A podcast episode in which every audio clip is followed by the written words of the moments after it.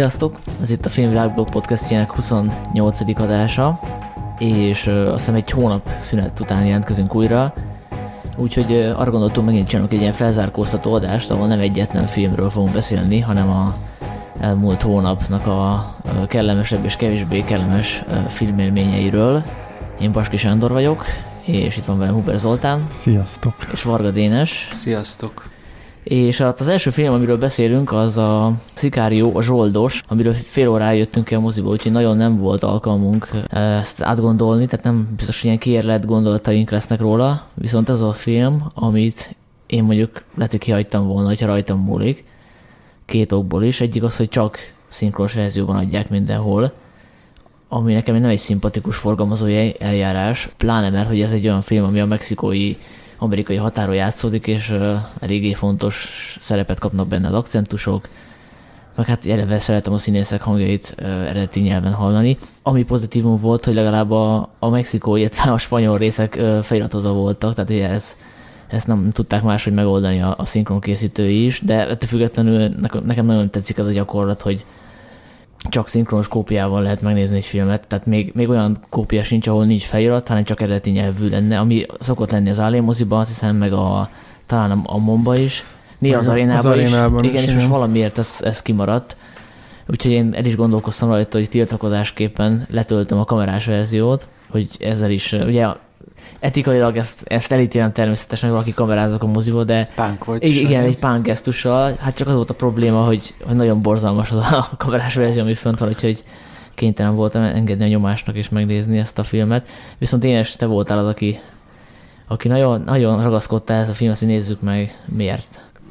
Egyszerű a válaszom, az első rész. Én azt tényleg a, az elmúlt évek egyik legjobb amerikai filmjének tartom a moziban, moziból tényleg tántologva jöttem ki annó, és most otthoni körülmények közt is megnéztem, és arra jöttem rá, hogy az első rész, a Sicario, az tökéletes példa arra, hogy miért kell moziba elmenni, filmet nézni. A hanghatások, a képek, ez fantasztikus részei a Sicario-nak, ugye, hogy Denis Villeneuve, Villeneuve egész életművének. Ez azt jelenti, hogy a Sicario az egy moziban nézve egy 10 per 10-es film, otthon nézve egy 9,5 per 10-es film.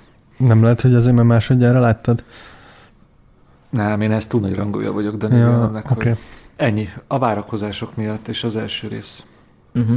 Én is úgy néztem egyébként az, az első részt a napokban, és egyébként ugyanaz zavart, mint amikor a moziban láttam, tehát a, az a kis mellékszál azzal a mexikói zsaruval és a fiával, ami végigvon az egész filmen, és nekem az picit kilógott, tehát, tehát olyan hatásvadász volt. Most dramaturgiai szempontból értem, hogy miért van arra szükség, hiszen a végén az fontos szerepet kap, csak hogy azok a kis részletek annyira nem voltak elegék arra, hogy, hogy megismerjük ezt a családot, hogy, hogy a, a közhelyeken túl kiderüljön róluk valami. Tehát nekem nagyon elnagyolt volt, tehát ilyen kis, ilyen, mint hogyha tényleg egy ilyen külföldi valaki oda megy, egy turista, benéz az ablakon, és akkor mit lát ebből a mexikói családból, tényleg csak ilyen elskiccelt ilyen közhelyeket, és nekem ez, ez egy furcsa volt, hogy végigvonult a filmre egy ennyire kidolgozatlan szál. Vázlatszerű, egyetértek, de én mégis szerintem egy fontos része a Szikáriónak, mert így nem, senki nem felejti el, hogy amikor a kartelek, az amerikai zsoldosok, a rendőrök egymással lövöldöznek, akik leginkább megsz- megszívják az egészet, azok a egyszerű mexikóiak. Szerintem ez egy fontos része is. Ez, ez igazából ez kb. egy 3-4 perc a filmből, ez a mellékszál. És szerintem ez kellett, és, és, és szerintem ízlésesen is volt megoldva. Zoli, neked téged nem zavart? Engem nem, engem nem zavar, nekem nagyon...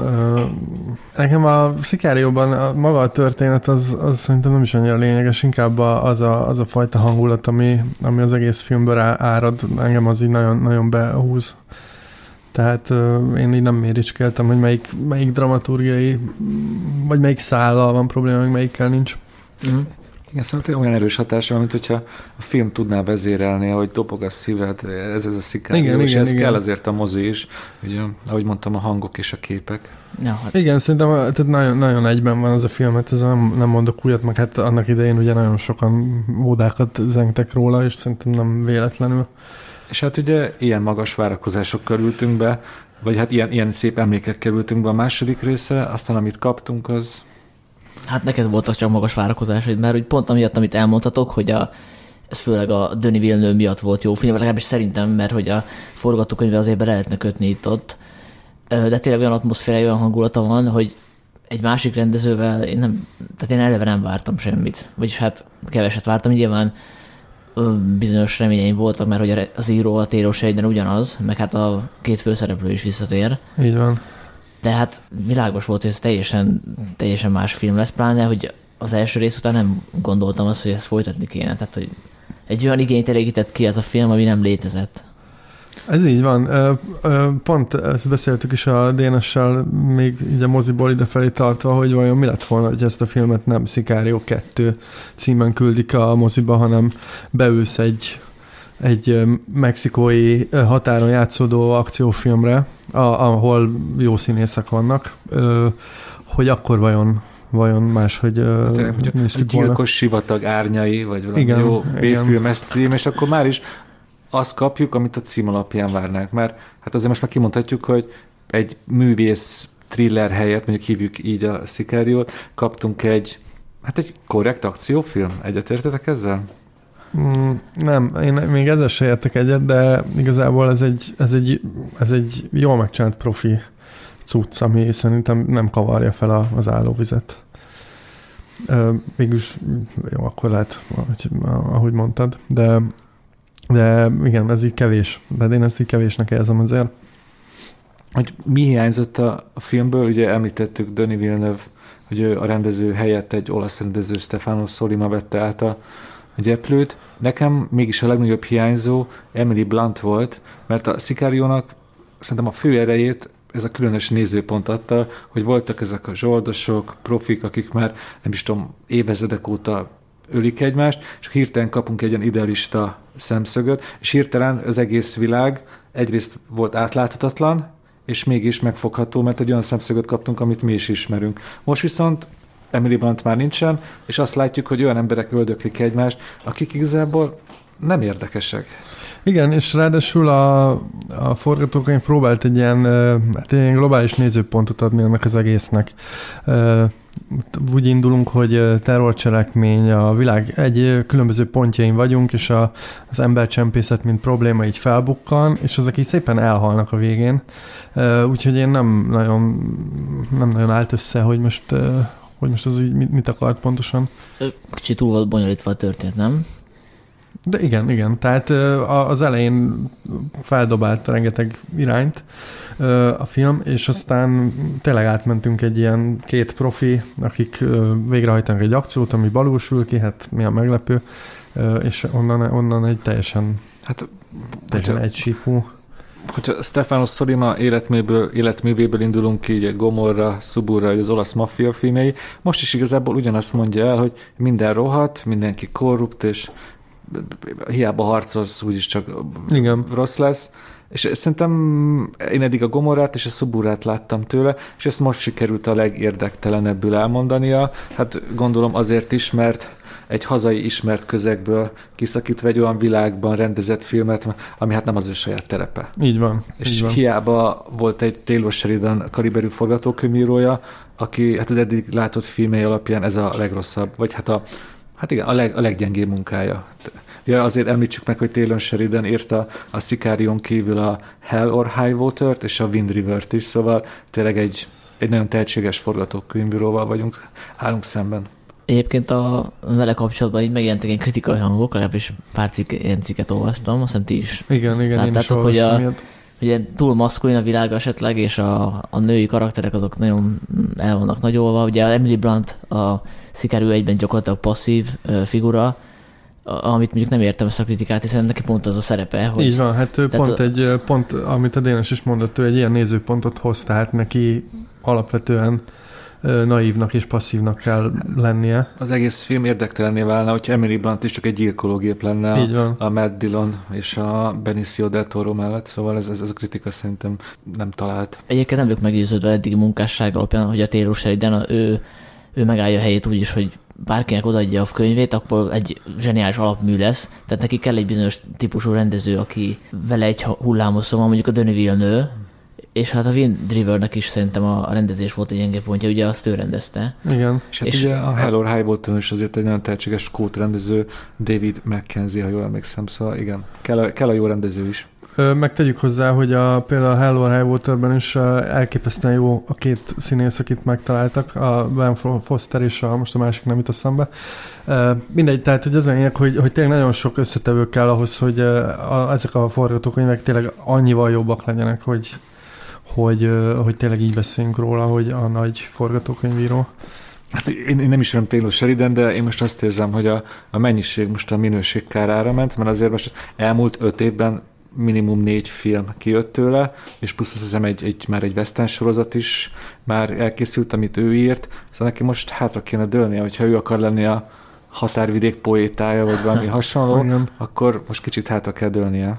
Igen, de bocsánat, de hogy ebben van azért egy kis hype is, tehát a, a, ugye tényleg amikor az, még csak a Szikára és a Hell or High Water volt, akkor én már ilyeneket olvastam róla, hogy ő a forgatókönyvírás Cormac McCarthy a, és a nagy amerikai írók mint Faulkner és Hemingway, és nem tudom, miket visz tovább, és ez nyilván túlzás, főleg két, két uh, film után, amit ráadásul, igen, tehát ott nem csak az íróról van szó, hanem egy stáb dolgozik benne. Hát igen, nagyon amerikai témát, nagyon amerikai stílusban bont ki, ezért én ezért ebbe látom, ezért rajonganak értem, mert Abszolút, ezt nagyon igen. könnyű az amerikai kritika és szakmák a sajátjának érezni, hogy igen, ismét egy amerikai zseni. Ráadásul nagyon, én azt is mondom, hogy nagyon aktuális dolgokat csinált, mert ugye most nem, nem konkrétan arra gondolok, hogy a mexikói drogháború, hanem maga ez, a, ez az amerikai határvidék, ez az amerikai álom ilyen rozsdásodása, és a, ez, a, ez a szél futta városok, és a, a, a, tényleg e, az eltűnő amerikai álom, ez, ez most nagyon aktuális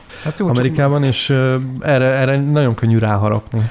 És nekem most a fő bajom, hogy ebből az egészből, ebből a nagyon gazdag kincsből, amiből a Taylor Sheridan dolgozik, a Sicario 2 annyi maradt, hogy nihil.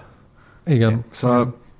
Valaki azt mondta, hogy ez olyan a Sicario 2, mint a True Detective 2 a True Detective 1-hez képest, nem tudom, Dénes találta de Tehát, hogy a, másodikban is látszol meg van minden, mint az elsőben, csak sokkal több karakterszál, sokkal kevésbé lehet megfogalmazni egy mondatban, hogy miről szól, mert az elsőnél ez könnyű volt, a második nem már nem annyira, több szál, több karakter, és nem áll össze. Ez olyan, mint hogyha egy Epigon készítette volna, nem is az eredeti alkotó. Hmm.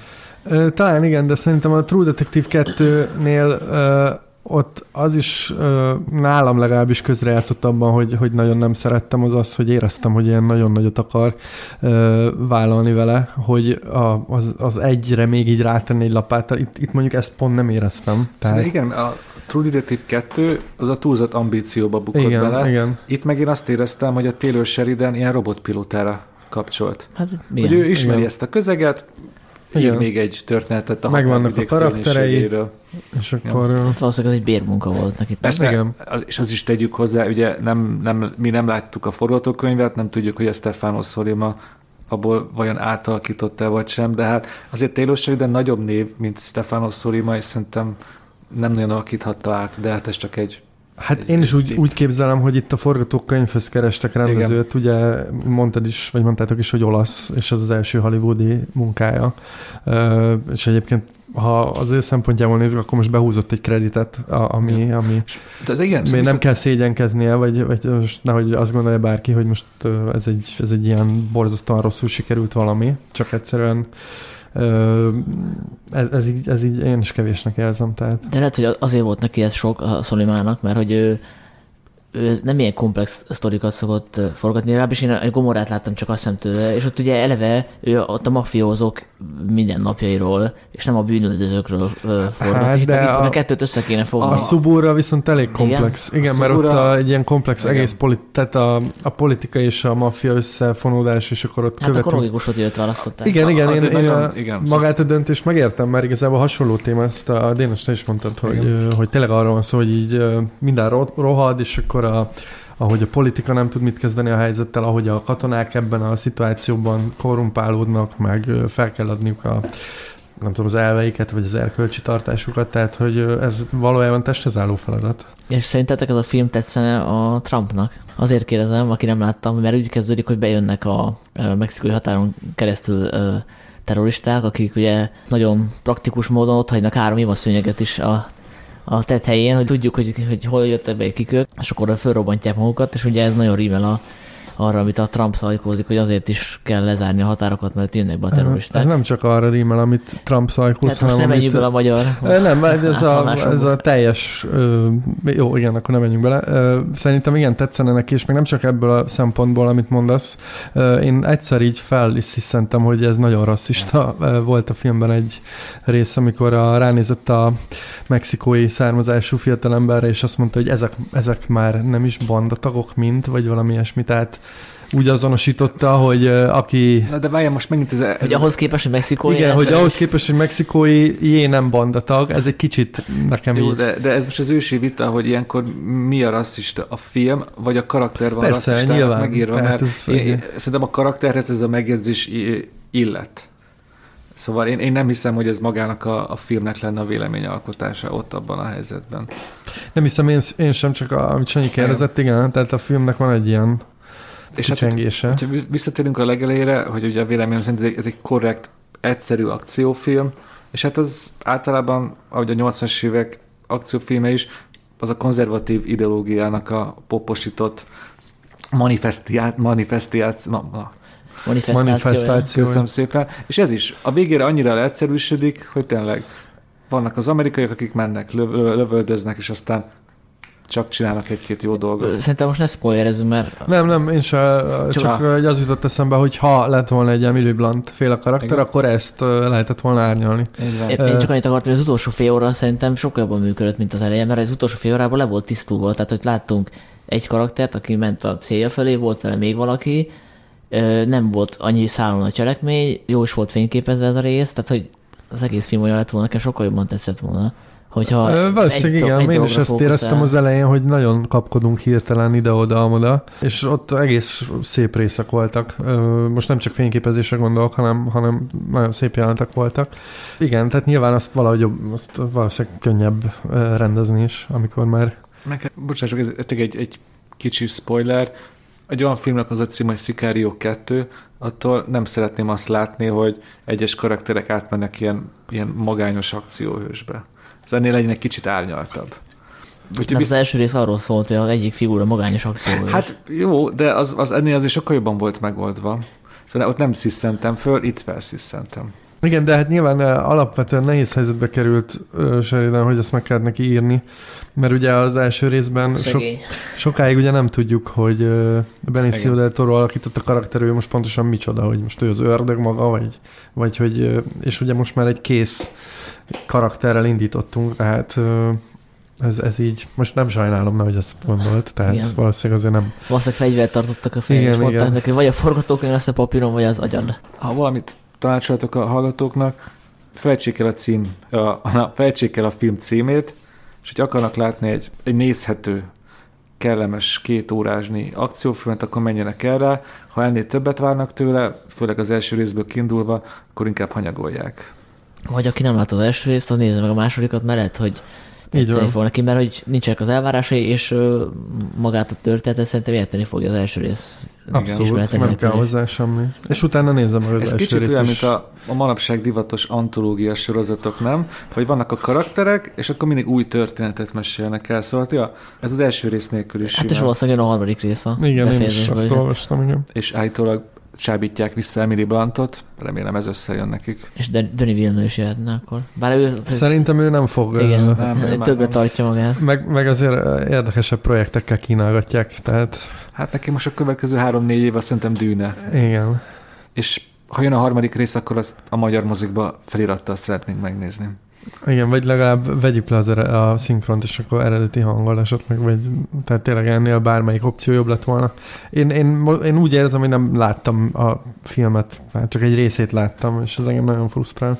Én én meg úgy éreztem magam, mint a, a Neo, amikor tudod, egy pillanatra fölsejlik a Matrix, tehát hogy látja Igen. a saját unalmas világát, és hirtelen belepillant. Tehát amikor néz, hallgatjuk, a, vagy nézzük a filmet, és egyszer csak elkezdenek ugyanazok a szereplők spanyolul beszélni, teljesen más hangon, más az atmoszféra, mások az ajok, a, tehát a sokkal élettelibb az a hangsáv, és utána hirtelen visszaváltunk a szinkronra. Tehát egy pillanatra megpillantja az ember a, Igen. Igen. a valóságot, aztán visszakerül egy ilyen művilágba. Ez ilyen élmény volt. Tovább léphetünk, ugye? Igen, Bye Bye Sicario. ez, a- igen, ennyit ért. Ö, akkor jön egy második rész szintén, de egy éles váltás. Ez a Hihetetlen Család második része, amit Dénes látott, meg én is, Zoli nem. Úgyhogy győzzetek meg, hogy most nekem ezt meg kell nézni, vagy nem kell Hát megnézni. attól függ, hogy tetszett az első rész. Én szerettem az első részt, de az már olyan régen volt, és nem néztem újra. De úgy érezt, vagy úgy emlékszem, hogy egy ilyen kellemes szórakozás volt, és ilyen a szuperős, akkor még nem kész, vagy akkor még annyira nem menő. 14 Pontos, éve de volt. Igen, 14 igen, éve tehát, volt. hogy még ez, rég, ez még jóval a Marvel és az, az a nagy őrület előtt. Igen. Hát a Pókember volt meg, meg az X-Men. Igen, úgyhogy ö, reagál az új rész a eltelt elképesztő burjánzásra? Ö, Szerintem most is legyünk spoilermentesek. Jó. Jó? Mert nem is igazából fontos. Hát Hát, legyetek spoilermentesek, mert akkor, akkor kimegyek Igen. egy sörre. Szerintem egyik filmnek egyik talán hibája, hogy igazából nagy spoilerekről nem lehet beszélni, mert még az első rész egy tök friss és izgalmas módon tudott ebbe a, ezzel a szuper ö, hősvilággal foglalkozni. Ez a mostani, ez olyan, mintha megnéztek volna négy-öt Marvel filmet, és abból pár ötletet átvettek, és ezt átültették a Hihetetlen Család világába. Érdekes módon én pont az ilyen látványos, szuperhősös leszámolásokat untam, és az egész, amikor van egy ilyen, megfordul, meg, megfordulnak így a nemi szerepek a filmben, és pont a írdatlan marad otthon a gyerekekkel, azt a részét imádtam, amikor otthon a házit írja a gyerekkel. És amikor meg akcióznak, akkor azt mondtam, hogy hát én ezt már láttam nagyon sokszor. És még a, a, akkor most már többet nem spoilerezek, a központi ilyen szuperhősös problematika is már több ö, képregényfilmben is le volt játszva, például a, az egyik Amerika kapitány rész is ez eszembe jutott. Ez a fő hibája a, a Hihetetlen családnak, hogy az első rész az még itt a trendek előtt volt, most viszont inkább csak fut a trendek után. A főgonosz a- egyébként szerepel a trailerben, tehát arról beszéltünk a Demonitor nevű valakiről, aki ugye úgy hipnotizálja az embereket, hogy a képernyőn keresztül jelennek meg ilyen, ilyen hipnotikus körök az áldozatait elvarázsolja és ráveszi a dolgokra, amiket nem akarnak megtenni. Nekem is az volt a problémám, hogy az első az gyakorlatilag egy olyan trendre reagált, ami trend még nem is létezett, tehát szó szerint megelőzte a korát a, az első rész, és friss volt igazából az alapötlet. Még úgy is, hogy azért az egész család például a Fantasztikus négyes, annak a kicsit átírt változata, csak hogy itt nem a, a, az apa az, aki nyúlánk, hanem a, a feleség. Tehát, hogy látszik, hogy honnan vették össze ezeket a darabokat, de maga az egész eredeti volt, mert hogy reagált a Pixarnak a, az alap üzenetére, ami minden filmben benne van, hogy, hogy tök mindegy, hogy te most mennyire vagy különc, mennyire érzed magad kitaszítottnak, te is értékes vagy a magad módján, és, és hasznára tudsz lenni a, nem tudom, a társadalomnak, és fogad el magad, stb. Tehát ez tökéletesen beleilleszkedett a, a Pixar filmek sorába. Ez a mostani meg nem, nem akart újat mondani, vagy nem akart más szemszöget mutatni a mostani szuperhős filmekhez képest, hanem hogy csináltak egy szuperhős filmet, tehát a Pixar akart csinálni egy szuperhős filmet, és csináltak egy szuperhős filmet, ami persze néha azért reagál ezekre a, a trendekre, csak nem, nem olyan élesen, meg nem olyan kreatívan, ügyesen, ahogy a Pixar filmek szoktak. Tehát például a, a D-monitor elmondja a lakosságnak címzett üzenetében, tehát megjelenik a, a feje a monitoron, mint egy ilyen anonymous ö, üzenet, hogy hát, hogy ti emberek bele vagytok ö, teljesen butó ezekbe a szuperős történetekbe, teljesen megszállottjai vagytok, és az igazából pótcselekvés arra van, hogy ti helyettetek valaki föllépjen, és akkor addig ti meg otthon dögölhessetek a kanapén, és zabáljátok a chipset, tehát magyarán ez egy pótcselekvés, és addig se kell igazából semmit tennetek, megmarad a status quo, ami egy nagyon izgalmas üzenet, csak ugye hitelteleníti azzal, hogy a főgonosz szájába adja, és amint ez elhangzik, onnantól kezdve ezzel többet nem foglalkozunk. Tehát e- ezzel a, Igen, igen, ezzel a médiakritikai, meg végülis ez a, a Marvel filmeknek is kritikája, úgy veszük, nem? Hogy most már csak szuperhős filmek vannak. Hát ez a Hihetetlen Család 2, ez tökéletes célpontja ennek a médiakritikának, ami a filmen belül hallható. Tehát ön, ön maga farkába harapott a film, erre azt De akarjátok mivel, mondani? ahogy ezt a Sanyi is mondta, de mivel ezt egy főgonosz mondja, és utána úgy viselkedik a film, mint hogyha ez el se hangzott volna, ez olyan kicsit olyan nesze semmi fog meg jól. Aha. nem, re, nem reflektál erre a film igazából. Tehát a, az a nem cserés, illetve a nemi szerepek megfordítása a dolog, ez sokkal, sokkal inkább ez a fókusz, Igen. mint ez az üzenet. És, és azért ne legyünk igazságtalanok a filmmel, ez a nemi szerepcsere, ez nagyon frappánsan és szórakoztatóan van benne a filmben. Tényleg, amikor a, érdekes módon, amikor egy szuperhős család hétköznapjaira koncentrál, az számomra sokkal érdekesebb volt, mint amikor például egy mágnes vasutat próbál megállítani. nyulánk a pókember módjára. Mert Még- ugye, ahogy most most mondtam Hát hasonlatban, ezt már láttam a pókemberbe, viszont a másik része meg egy tök, ha nem is friss, de legalábbis egy izgalmas gondolat. Ja, de azt, azt tegyük hozzá, hogy viszont az akciójátek tényleg baromi kreatívak, tehát hogy Igen. az is látszik, hogy az első részhez képest technikailag is mennyit fejlődött a Pixar. Hát nyilván 14 év alatt iszonyatosan sokat javul az animáció színvonala is. Tehát Igen, én ezt akartam tőletek kérdezni, én a, én, én a Pixar filmekben mindig érzek egy ilyet, hogy beletesznek ilyen manisatokat, hogy na, mi már ezt is tudjuk, és uh, én, a, hogyha megnézel a régi Pixar filmeket, nagyon érdekes így követni, hogy éppen mire fókuszáltak rá, tehát hogy most nagyon jól tudunk szört csinálni, vagy nem, most nagyon jól tudunk tüzet, vagy nem tudom mit csinálni, tehát gondolom ezek, ilyen, ezek, ezek ezért kellnek bele, nem, hogy, hogy ezek ilyen baromi látványosak, lekötik a, a gyereknézőket. Hát itt, itt talán, ez nem tudom mennyire spoiler, de van egy elég ö, izgalmas és egyedülálló jelenet, ami miatt kísírják, hogy akik epilepsziások, azok ne nézzék meg a filmet. Az tényleg olyan, hogy ha nem is mondhatom ilyet, hogy nem láttunk, de animációs filmben az egy nagyon egyedülálló és izgalmas akciójelenet. Ja, és a másik probléma, hogy, igen, tehát most dicsértük, mondom én is dicsérem. Jó, és hát ez egy probléma lehet az epilepsziásoknak. hát az is igen, hogy, hogy ki lehet találni igazából a, a főgonosz személyét így gyorsan. Illetve van egy kis vörös hering bedobva, de, de nem lepődtünk meg, tehát amikor kiderült, hogy, hogy kiáll a dolog mögött, akkor egymásra néztünk, hogy jó, hát igen, ezt fejtettünk. De most azért egy kicsit félek, hogy túl szigorúak vagyunk ezzel a filmmel, azért ne felejtsük el, hogy a Pixar, Pixar animációs filmei 6 éves kortól mondjuk 99-ig szólnak, és itt azért egy Pixarnak nem az a dolga, hogy a, egy olyan előre nem látható fordulat találjon el, mint mondjuk most mondjatok egy példát. Hát nem tudom, mert nekem A most pont a... érzés. Most nekem, de most nekem pont beugrott a Coco, a Igen. Pixarnak az egyel előtti, abban engem azért megleptek a fordulatok. Tehát, hogy ott én a, nem számoltam rá, és úgy, ó, mondom, hoppá. Meg oké, okay, egy, okay, egy családnak készül, persze, de attól még lehetnek a felnőtteknek is benne olyan, olyan rétegek, ami, ami megfogja. Mondjuk a, a, például a Wall-E, a Wall-E, ha már társadalmi Igen. kritikára beszélünk, a Wall-E-ban, amikor a, látjuk, hogy elhízott emberek mennek a, a mozgó lépcsőn, és teljesen elkortyosult a társadalom. Na ott nem volt letompítva úgy, mint itt. Nekem, nekem e- ez a szerepcsere, hogy irdatlanot csinálja a házi munkát, ez már önmagában azt mondom, hogy ez így már elég amit így a, mondjuk a felnőtt korosztálynak adnak, és a többi része így önmagában elég ahhoz, hogy a teljes családot szórakoztassa. Koko, azt szerintem ez egy mestermunka. Ez pedig, hát ez egy, ez egy tipikus második rész, visszatérve a Sicario 2-re, ugye nem ér az első nyomába, de azért még rendben van. Pláne, hogyha valaki ezt látja először. De mondjuk a, ott folytatódik pont az első véget ért, tehát nem árt, hogy az ember tisztában van vele, hogy az első rész végén, ami történik.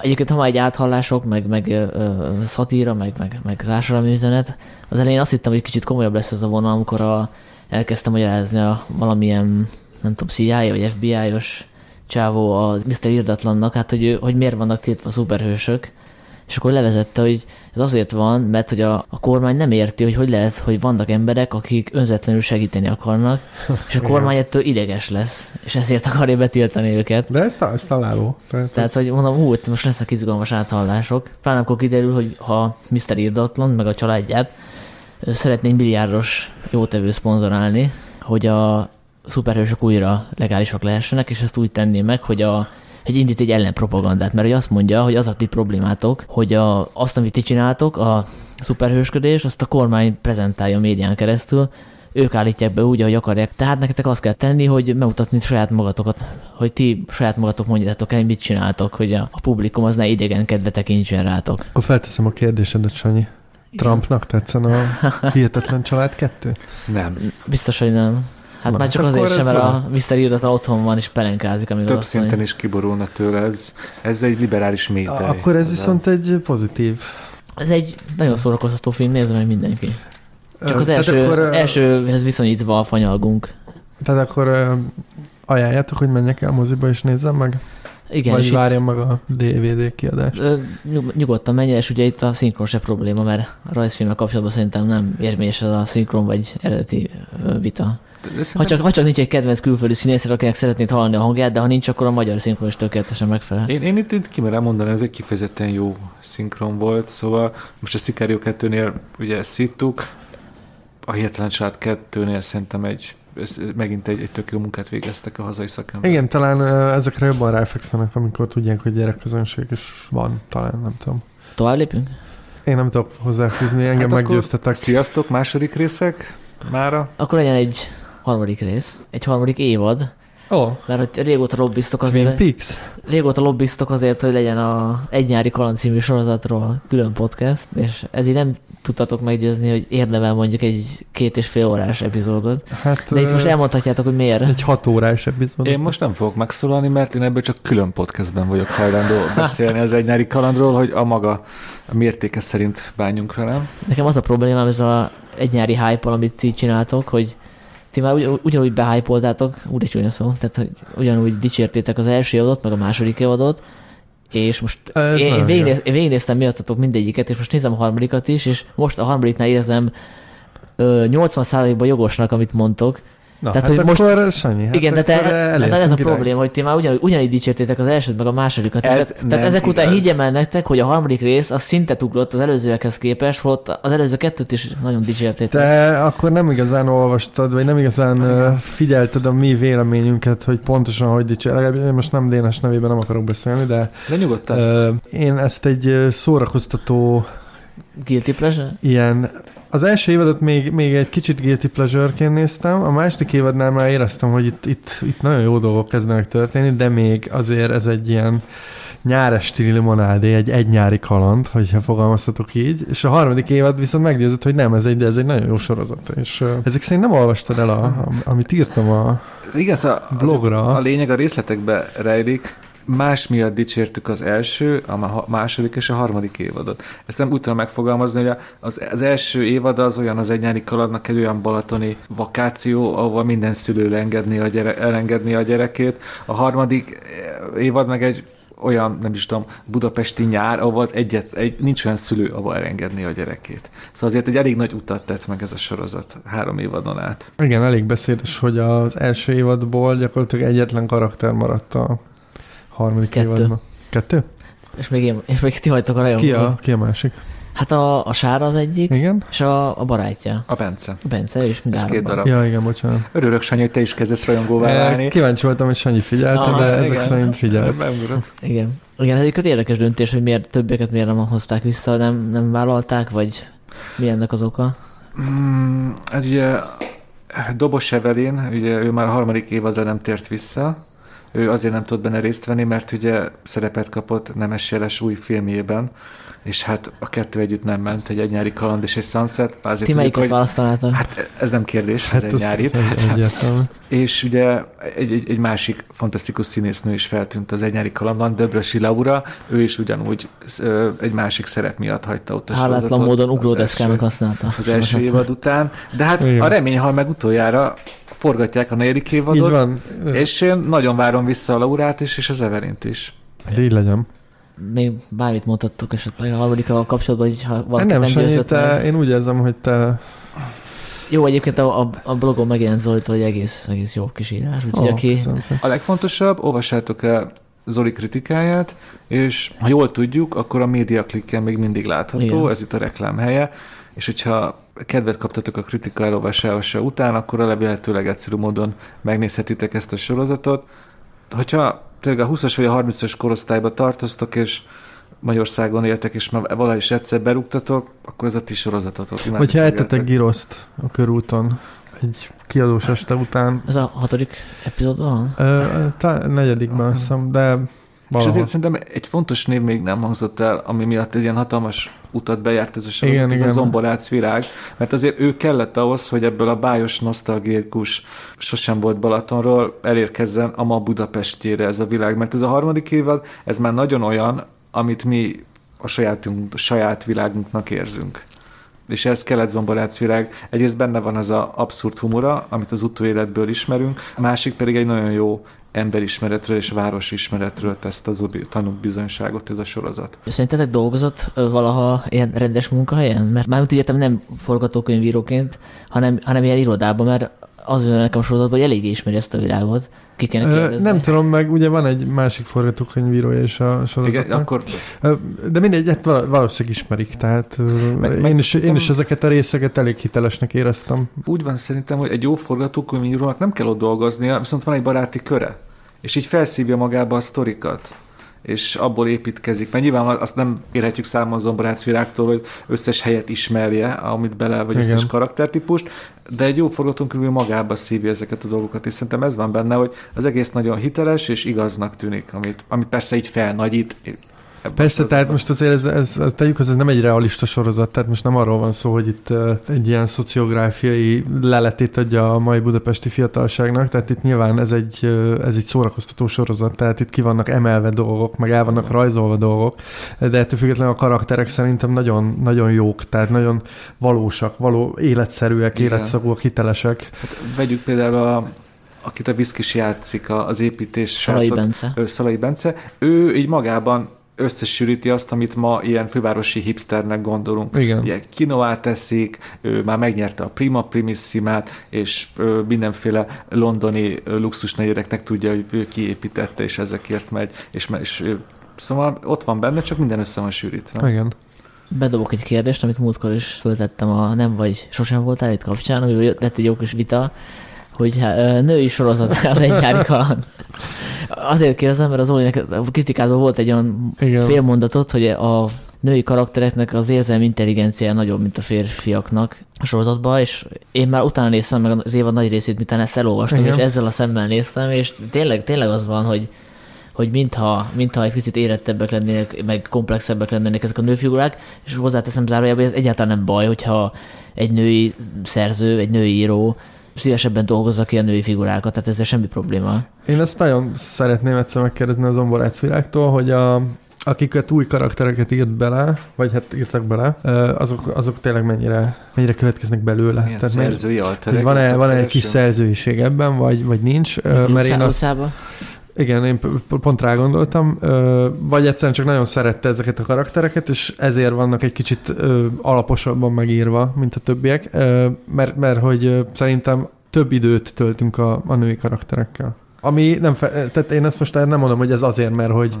ezt egy nő írta, azok a karakterek egyszerűen érdekesebbek. Az lenne jó, hogyha nem kéne erről beszélnünk, hogy most ez nő vagy férfi, tehát még nem itt tartunk, de...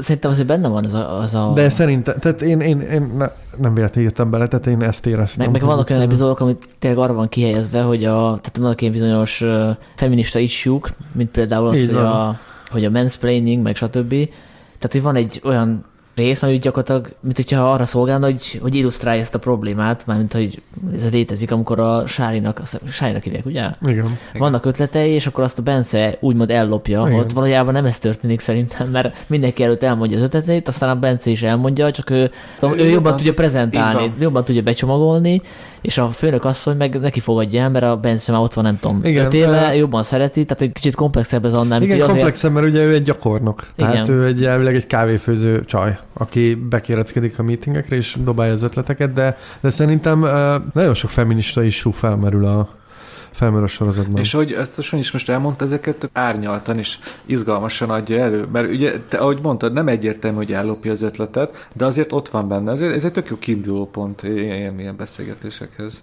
Családi körtípusú beszélgetések. Igen. Igen, ez egy, akár egy jó családi program is lehet, és nem akkor az egy nyári kaland. Mond, mondok egy negatívumot is. Nincsen. De hogy, hogy, a fülünket. Hogy oké, okay, hogy káromkodnak a fiatalok, mert tényleg ez így hiteles, de, de ez ilyen kontraproduktív, mert hogy nem kisipolyatatják, hanem elnémítatják ezeket a káromkodásokat, és néha egy vita hevébe van, úgyhogy hogy 10 másodperceként elnémul a... Tehát ez nekem egy ilyen, ilyen brechti elidegenítő effektus, tehát hogy, hogy benne vagyok a, a sorozatban, nézem, és, és kidob belőle, hogy... Tehát ez olyan, mint hogyha mint látnám, hogy belóg a mikrofon a, a képszélen, ez pont, pont olyan. Nektek nem? Szerintem mindenki akinek nem tudom, mondjuk magyar az anyanyelve, vagy egy pár éve már magyar környezetbe él, azt pontosan tudja, hogy mik az elnémított szavak, és hogyha benne vagy a filmben, szinte hallod is már. Na szóval, de, ez po- de így, így, nem zavar? Nekem ez nem volt issue. Tehát, tehát, hogy nem tűnik föl, nem, nem, nem zökkent ki. Hát, Vagy ez, ez pont olyan, mint amikor az egyik részben a... Nekem ez pangos. Hogy hívják a, a nőcsávász fickót? Na mindegy, a pólóján van egy ilyen felirat, és nyilván nem figyeltek oda, biztos valami márka volt, és így ki van homályosítva végig, és én meg azt nézem állandóan. Hát ez a te irányított figyelmed, akkor ezek szerint a nem tudom. Tehát ez, ez a játék része. Én, én, én azt mondom, ezeket el tudom fogadni hogy egy ilyen sorozat, ami így ilyen, mondjuk, mondjuk kendőzetlenül mutatja be a, a magyar 20-30 éves fiatalságot, most lemelt a Duna tévén, az egy tök pozitív dolog, és ezek után én nem fogok ilyen apróságokba De egyébként a belekötni. média klikken is ki van sípolva? Én nem tudom, mert én nem néztem. Igen, ez tök érdekes kérdés. Ezt majd Itt várjuk a kommentelőket, Igen. akik média klikken nézik, hogy hallják-e a Nem káromkodásokat. tudom, én a Encore-ról töltöttem le. Hát most nem fogok nyilván odaülni a Duna TV elé a megfelelő időpontba. Hát, Hát miért nem? Hát igen. mert most ne én alkalmazkodjak már a, a, Hát de a fel, TV. felveszed a tévéddel, azt nem Igen, lehet. Nem tudom. Nem tudjuk Bocsánat. eleget reklámozni. Ez a harmadik évad, szerint véleményem szerint Zomborác Virág eddig legjobb munkája, és ez akár kultikus dolog is lehetne itthon, hogyha megnézni elég ember, mert ez ugyanannyira szól hozzánk, és ugyanannyira hitelesen, mint mondjuk egy, egy van valami furcsa és megmagyarázhatatlan. Csak ugye ez egy tévésorozat, a Duna tévén, szombat este, amikor meccs is ment, szóval nehéz dolga lesz ennek. Hát szombat este nem csak a meccs. Én- nézi a én- célközönség. Én nem, tehát mondtad Sanyi, hogy mi így dicsérgetjük meg, meg hogy nagyon dicsérgetjük, stb. Azért ebbe a részemről van is egy olyan ö, dolog, hogy én szeretném, hogyha sok ember megnézné, és nem baj, hogyha nem tetszik nekik, vagy fújolnak, vagy azt mondják, hogy ez egy, ez egy nem, nem jó, vagy nem nekik való, csak hogy ö, annyi rossz magyar sorozat volt, ami Igen. ezt a, ezt a fajta űrt próbálta betölteni, am- amit ez a sorozat is, és most végre van egy olyan, amit szerintem lehet szeretni. Ö, és tényleg, amit Dénes mond, én e- e- ennek, ennek simán lehet kultusza, tehát én el tudom képzelni, hogy, hogy ez jól fog öregedni, és, és hogy ezt, ezt így lehet ilyen kultikusan nézni vagy egy ilyen, ilyen szánszerűen, és hogy csak hogy az kéne tényleg, hogy eljusson, és annyi falat kell áttörni, tehát tényleg ez köztévén megy, aminek hát nincs túl jó híre a köztévés programoknak. Igen, ez egy, egy nyári kaland, ez a címe, tehát már ez is egy kicsit visszatartó erő, stb. stb. De ö, hozzám odajött egy kollégám a munkájában, és azt mondta, hogy, hogy nagyon örül, hogy, hogy megnézte, és ez nekem jól esett már, hogy valami ilyesmi. Tehát, hogy tényleg szerintem nem, nem fog csalódni, aki beleinvestál egy kis időt. És nyugodtan kezdjétek a harmadik évaddal, Így van. vagyis a legjobb évaddal. Nem, nem lesz semmi, amit nem értetek, bele, bele, bele fogtok nagyon hamar rázódni a sztoriba. Akkor lépjünk tovább a fináléba, ha minden Ó. igaz. Ha csak nincs más ezen a filmen kívül.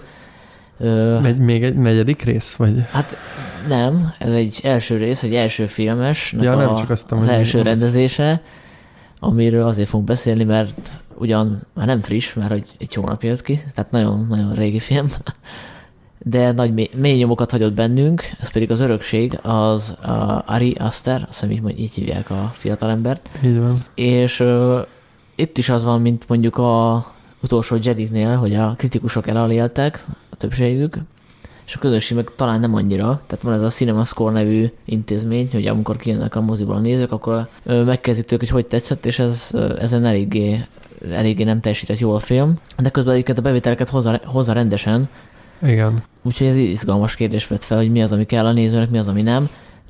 Talán, hogy itt megválaszoljam a saját felvetésemet, arról, arról lehet szó, hogy a, az előzetes alapján ez a film semmiben nem különbözik azoktól a horrorfilmektől, amik jöttek a mozikba az elmúlt években, tehát hogy van benne egy kis ördögüzés, illetve ördög azt mondom de szellemek vannak benne, vannak benne ijeszgetések az előzetes alapján, és az előzetesben azt se derül ki, ez egy lassú film igazából.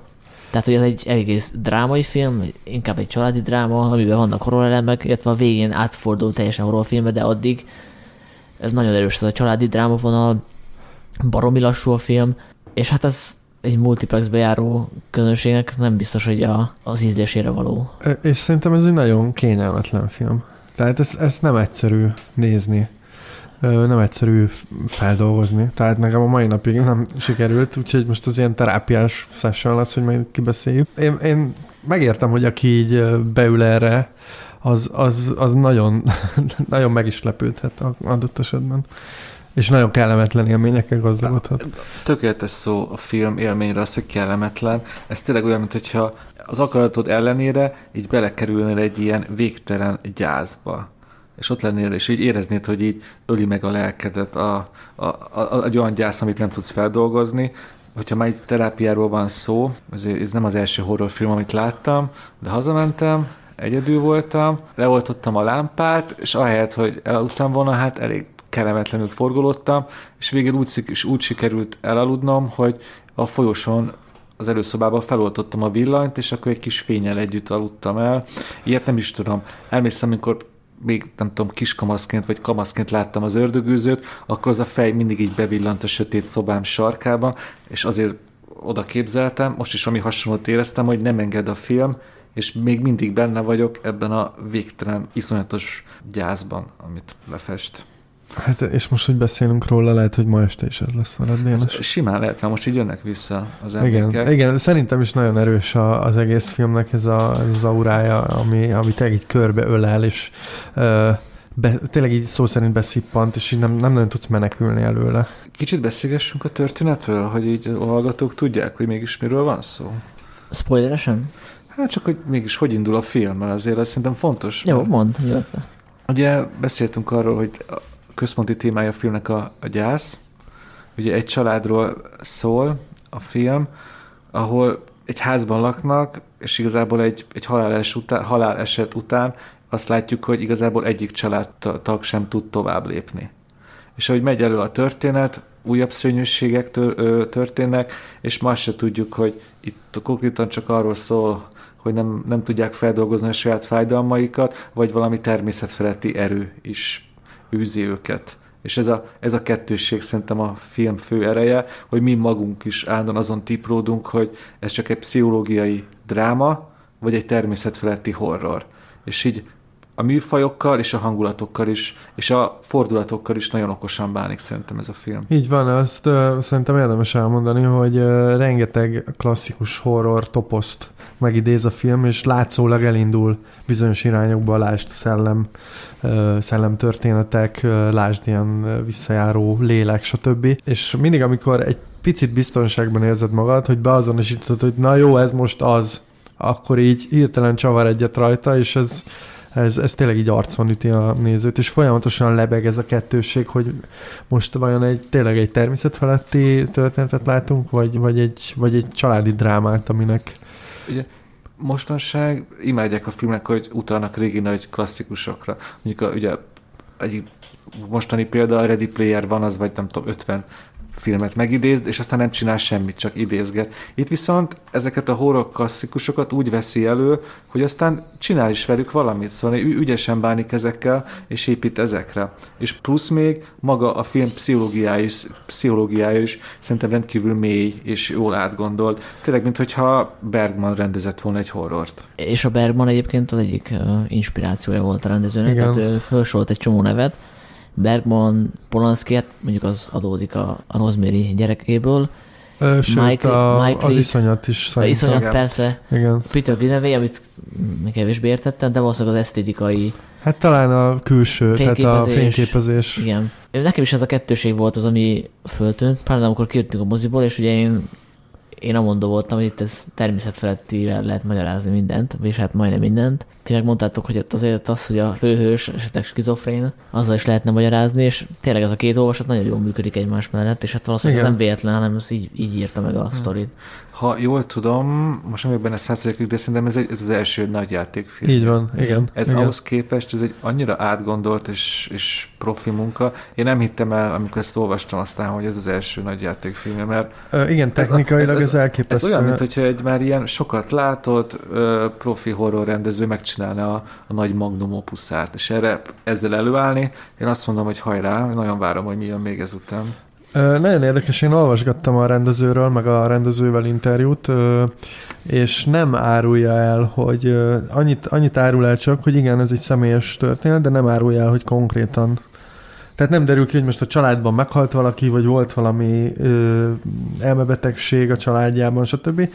Viszont ö, nagyon sokat dolgozott, a, tehát so, sokáig érlelődött ez a forgatókönyv, és amikor a Danny DeVito-nak a produkciós cége felkarolta, akkor még a rendező elmondása szerint, meg a, a, a stáb elmondása szerint egy teljesen más történet volt, és hogy nagyon sokáig, szerintem érződik a film, hogy nagyon, nagyon nagyon volt ki van ideje. dolgozva, tehát ki. hogy nagyon volt ideje érni ennek a filmnek, tehát első film, első film, de ez nem az a, az a fajta első film, amikor valaki egy zseniális forgatókönyvvel berobban, és akkor gyorsan megcsinálják, és mm. ott van, hanem ez egy, ez egy hosszú, és szerintem traumatikus folyamat lehetett. Hát, ugye, hát, most visszatérünk ahhoz a néző élményhez, hogy traumatikus, hogy ezek nagyon személyes élmények, ugye a rendezőnek, ez az, hogy egy családtag elvesztése, azért ezt már mindenki átélte, és ez így ilyen horrorisztikusan felnagyítva ott van a filmben. Ez azért is hat ránk, mert nagyon sok jelenet mindannyiunk életében már megtörtént, hogy egy haláleset után ott vagyunk a saját szobánkban, és úristen, most mi lesz?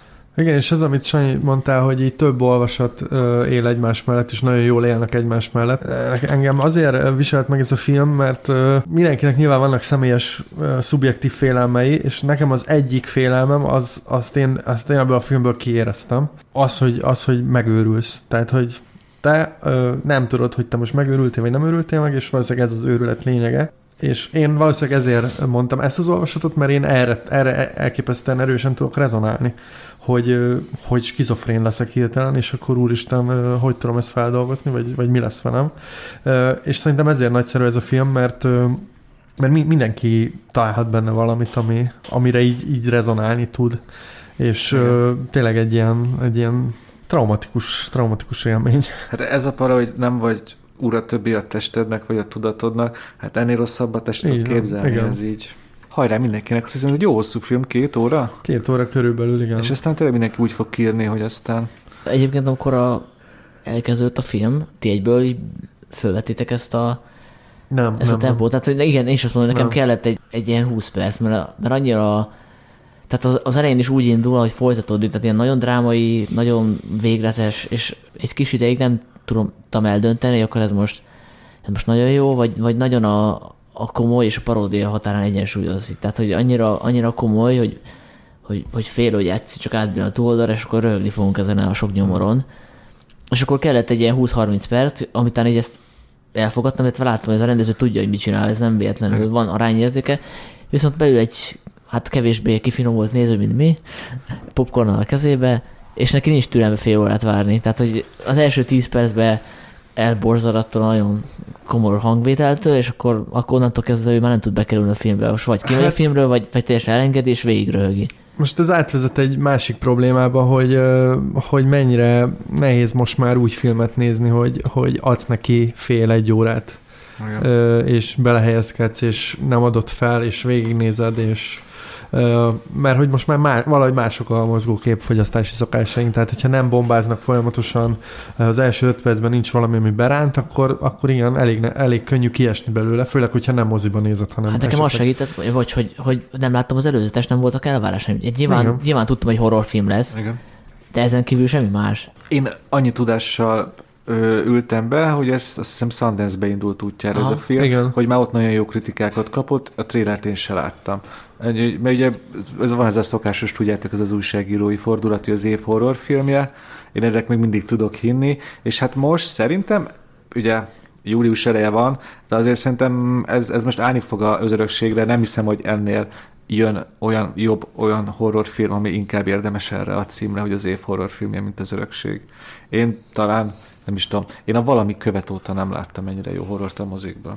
Apropó valami követ, ugye bármennyire is úgy tűnik, hogy mondjuk ez nézők szempontjából bukás a film, de egyrészt csinált azért egy csomó pénzt, másrészt nem lehet azt mondani, hogy ez ilyen egyszerű eset, tehát hogy aki szereti Igen. az igényes horrorokat, az, az most nem panaszkodhat, mert ugye volt a, a valami követ, akkor volt a babaduk, ami nekem mondjuk annyira nem tetszett, de, de az is ez a vonulat. Ez jobb, ezt, ezt szerintem jelentsük ki, hogy szerintem a Volt a boszorkány. Ott... Igen, akkor volt a Don't Breathe, a, a, ha, igen. nem is tudom, mi volt a magyar címe, mindegy.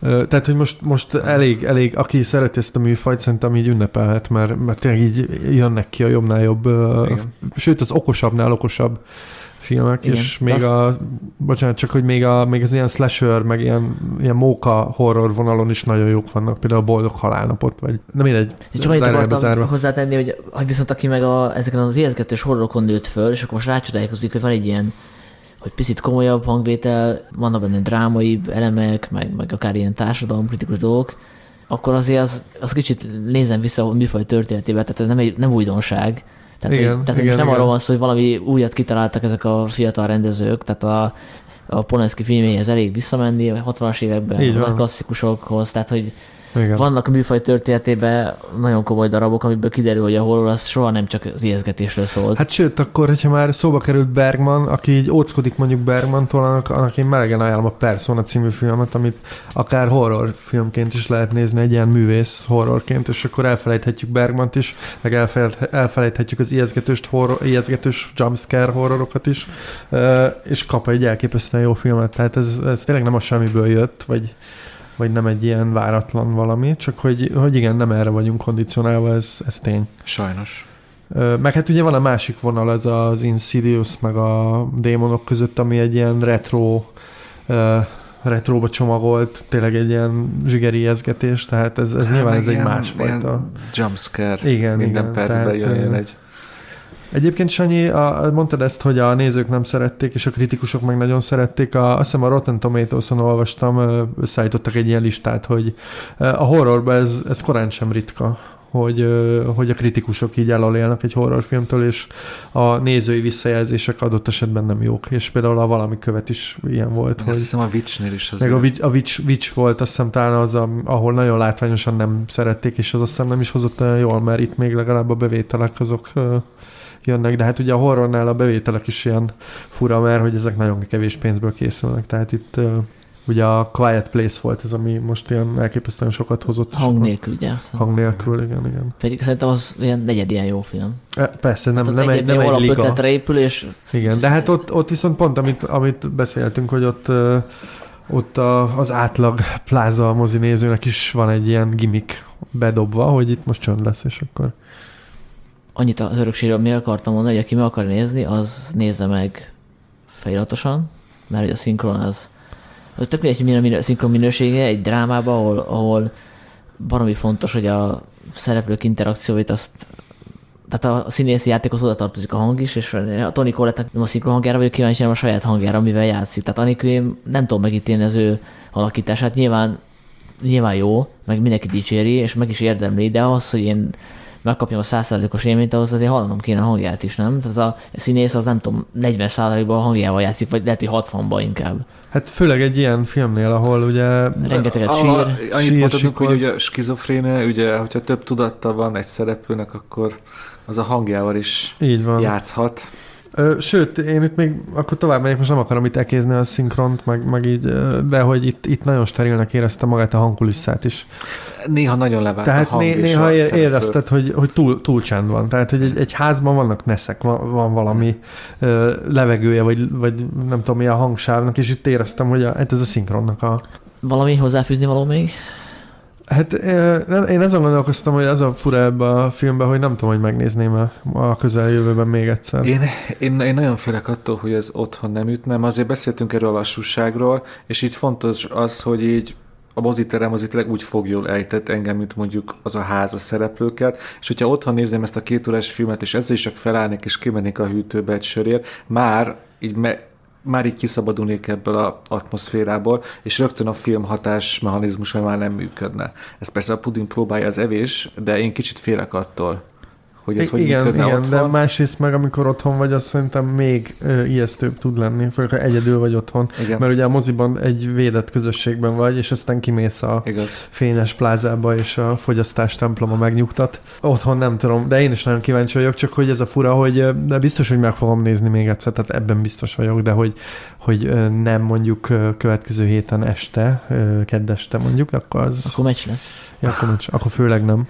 Meg hát ugye, amit beszéltük, hogy mennyire kellemetlen ez a film. Igen, igen, igen. ez igen. is azért így nem, nem, nem vonz, hogy most újból nézzem. Elismerem, hogy ez egy kibaszott jó film, de hogy most újra nézzem, hát egy pár év, pár év. Én újra nézem, mert hogy kíváncsi a feliratos, vagy, vagy uh, eredeti nyelvű verzióra. Egyrészt, másrészt meg ez annyira rétegzett film, hogy simán lehet, hogy vannak benne olyan utalások, amik első nem tűnnek Ez föl. biztos, igen. olyan kis apróságok, amik, amik első is tetszettek, lehet, hogy másod sorra sokkal jobban tudnám értékelni. Például amikor a, a srác uh, hazajön arról a rosszul sikerült házi buliról, és utána Igen. jön az ébredés, az hihetetlen az a jelenet. Igen. Vagy például maga a film elején nagyon kíváncsi hogy a, a, azzal a tudattal, hogy tudom, hogy mi a film vége, A film elején egy temetésen vagy, most semmi extra nem kell gondolni. Egy ilyen nagyon fura hangulatú temetés, vagy nagyon kíváncsi vagyok, hogy vajon most hogy nézném, mert akkor egy ilyen teljesen nyitott várkozó állásponton voltam, hogy úristen, most mi fog történni. Úgyhogy persze, tehát hogy ez, ez nem kérdés, hogy... Köszi srácok, most kedvet adtuk ahhoz, hogy előrébb toljam a listámon Szerintem Dénes egyedül néz maga sötétben este. Majd meglátjuk, a, a püsmackon biztos nálam lesz ezért, ezt tudjuk. Jó, hát akkor hát mennyi volt a mai filmajánló? Gyakorlatilag akkor mindent ajánlunk, kivéve a szikárioket? Vagy azt is csak úgy, hogyha az emberek nincsenek prekoncepciók? Hát én nem akarok senkit lebeszélni semmilyen film megnézéséről, tehát nézzetek filmeket, és Na jó, de hát választotok jó filmeket. az a feladat, hogy értékítetet adjon, és hát orientálja Szerintem elmondtuk, nézőt. hogy... Hát én azt mondom, hogy ha valaki egy filmre akar elmenni a moziba, akkor az legyen az örökség ha utána még van kedve, akkor, akkor nyugodtan maradhat. És akkor nézze az Egy nyári kaland harmadik évadát. Tényleg, igen, igen. Az örökség után szerintem nagyon jól fog esni egy-két rész az egy Igen. Visszaadja Elalváshoz például. Igen. Hogy el tudja aludni a sötétben. Következő podcast azt szerintem hamarosan lesz, tehát nem kell ennyit várni, mint most, de nem mondom, hogy mi a téma, hogy a konkurencia lenyúlja az ötletet, mert nagyon, nagyon erős itt a konkurencia. Ez lesz a 25. adás, annyi? Hát, azt, azt nem tudom még én se. Lehet, lehetséges, mert ugye kimaradt a 25. jubileumi, úgyhogy azt, azt föntartjuk még továbbra is. Uh, úgyhogy akkor ennyi volt, köszönjük szépen, a szokásos helyeken követhettek, Soundcloud, Mixcloud, várjuk a témajavaslatokat is akár. Sziasztok! Jó éjszakát, jó rettegést! Hm?